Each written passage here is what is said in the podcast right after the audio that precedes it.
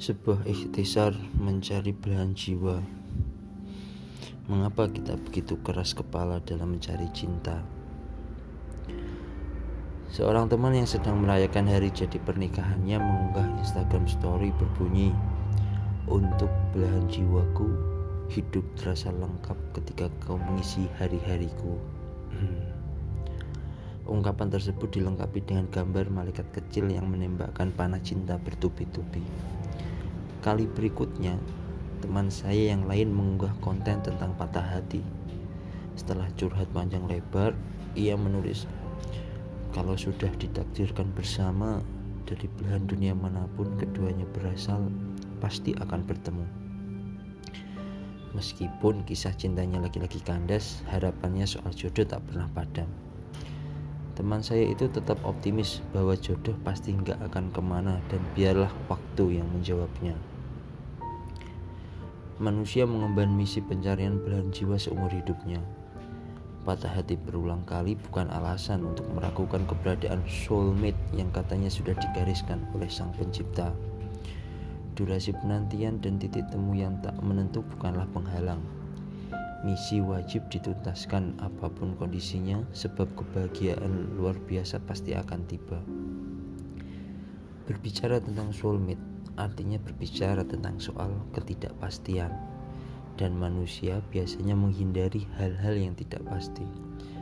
Namun untuk urusan soulmate ada perkecualian. Udah ketahuan gak pasti tapi kok masih dinanti.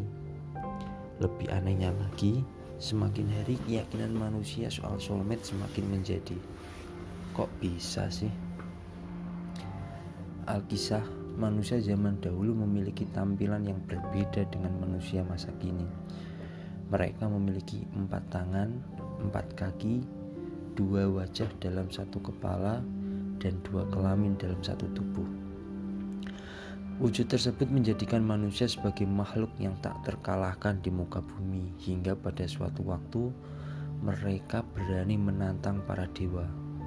Zeus, dewa dari segala dewa, kemudian memisahkan manusia menjadi dua bagian dan mengutuk mereka dengan penderitaan.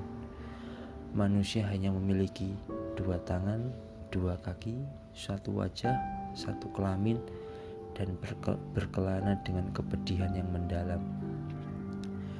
Tidak tega melihat penderitaan yang dialami manusia, Apollo, dewan dewa penyembuh, bernubuat bahwa penderitaan manusia akan berakhir ketika mereka kembali ke wujud asalnya.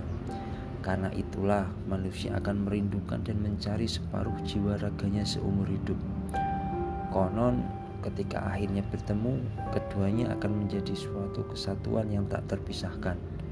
Mereka akan memahami satu sama lain tanpa perlu banyak bicara, saling terhubung, utuh, dan berbahagia selama-lamanya.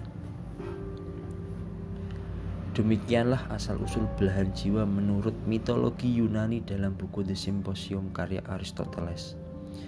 Selama berabad-abad, mitos tersebut mengilhami banyak penulis, penyair, dan seniman yang kemudian melahirkan kisah cinta serupa tentang manusia yang mencari belahan jiwanya.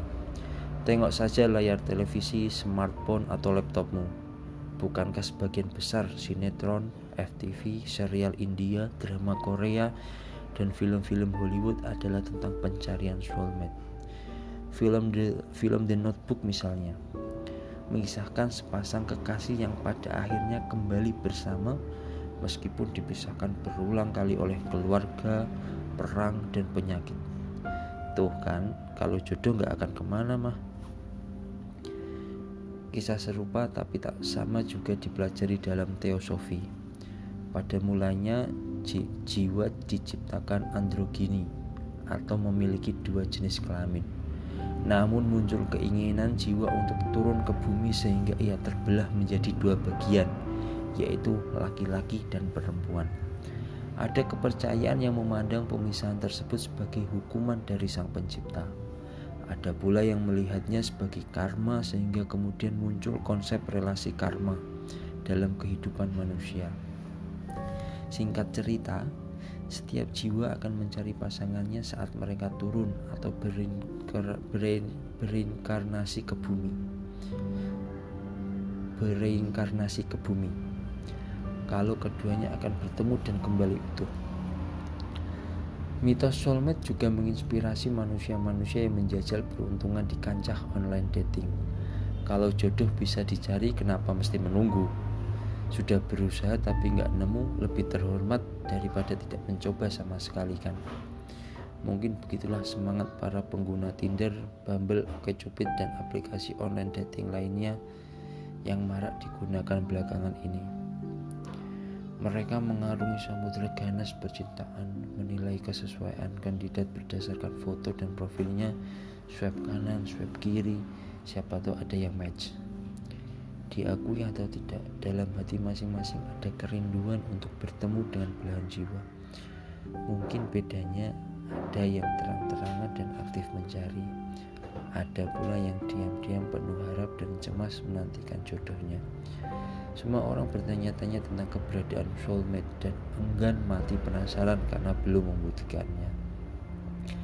Narasi soulmate yang berkembang dalam kehidupan berhari-hari menunjukkan bahwa manusia bukanlah makhluk yang utuh.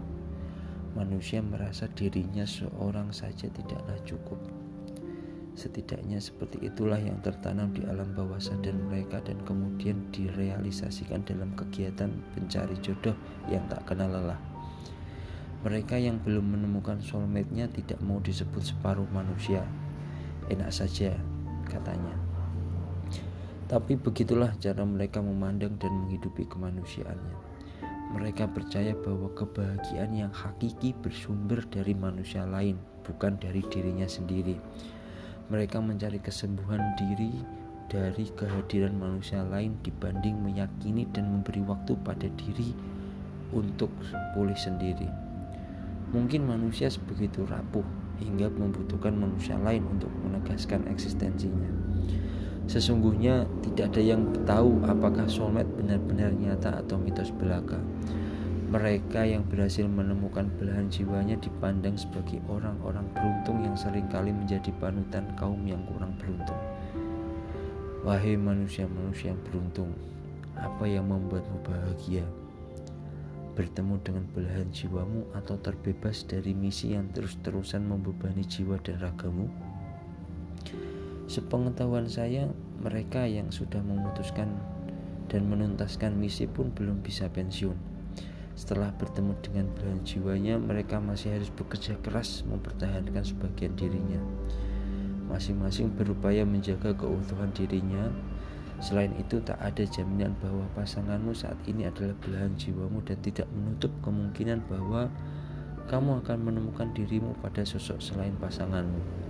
Sejauh ini, kamu sudah menemukan apa yang kamu kira belahan jiwamu.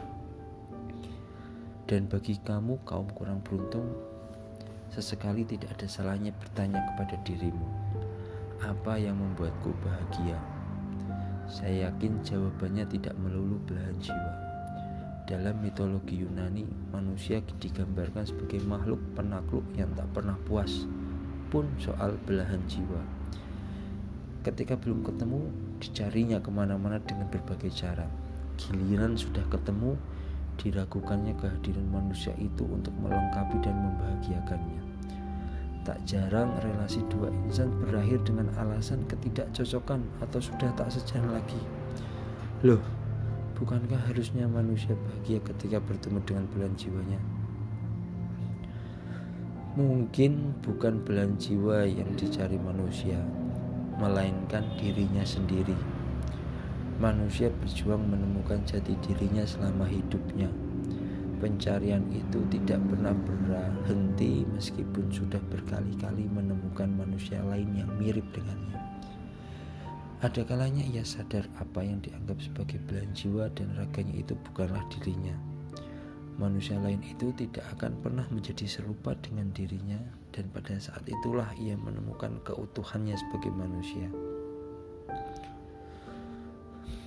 Tak ada yang lebih tabah dari hujan bulan Juni kata penyair Sapardi Djoko Damono.